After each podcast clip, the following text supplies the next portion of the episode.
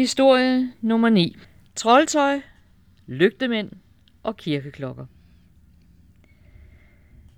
Det bimler og bamler fra den hvide kirkes klokker i Valsø, så det kan høres viden om.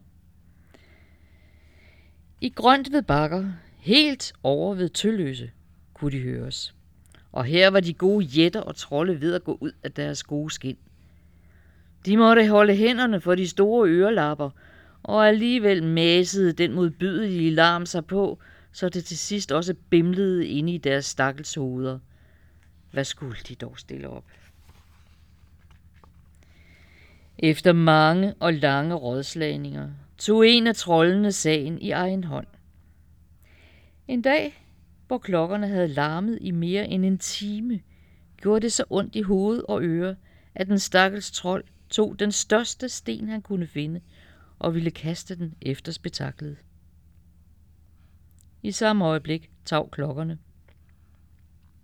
Men det holdt ikke trolden tilbage. Han vidste, det kom igen. Han kunne ikke se kirken på så lang afstand. Trolde er ret nærsynede. Men han mente sagtens så kunne huske, hvorfra lyden kom. Han kastede stenen af alle kræfter. Men det gik helt galt. Stenen landede et godt stykke fra målet. De stakler i grønt ved bakker måtte til stadighed affinde sig med kirkeklokkelarmen. Nu er det sådan, at det altid er trollene, der skal tage æren af at udtænke kloge tanker.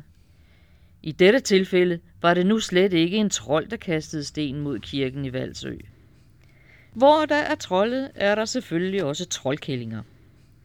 Mens trollene bare ævlede og kævlede og ikke kunne blive enige om, hvordan de skulle løse kirkeklokkeproblemet, tog den største af kællingerne sit god solide strømpebånd, lagde stenen her i og slyngede den i den retning, hun mente lyden plejede at komme fra. Desværre var hun lige så småt seende som den øvrige flok, og stenen landede derfor, hvor den ligger i dag. Resultatet blev altså det samme.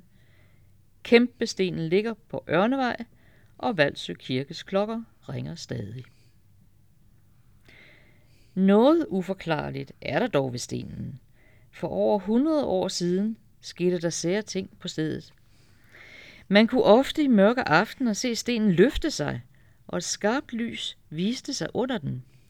Her dansede et mylder af små lysende væsener rundt. Det varede kun ganske kort, så var lygtemændene borte, stenen på plads, og alt virkede igen normalt. Dengang lå stenen frit på marken, men langt til menneskeboliger. I dag er menneskene rykket meget tæt på, og det bryder de underjordiske sig ikke om. Derfor skal man nok ikke forvente at få lygtemænd at se. Men man ved aldrig.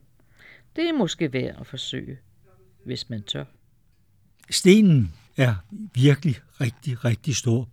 Øh, vi har regnet os frem til, at den vejer nok lidt over 14 tons, og der har ligget en man til ved siden af.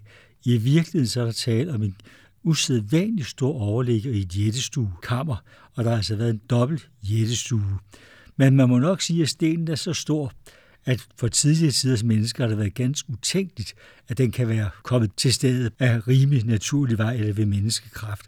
Der måtte skulle trolde eller jætter til at flytte sten af den størrelse.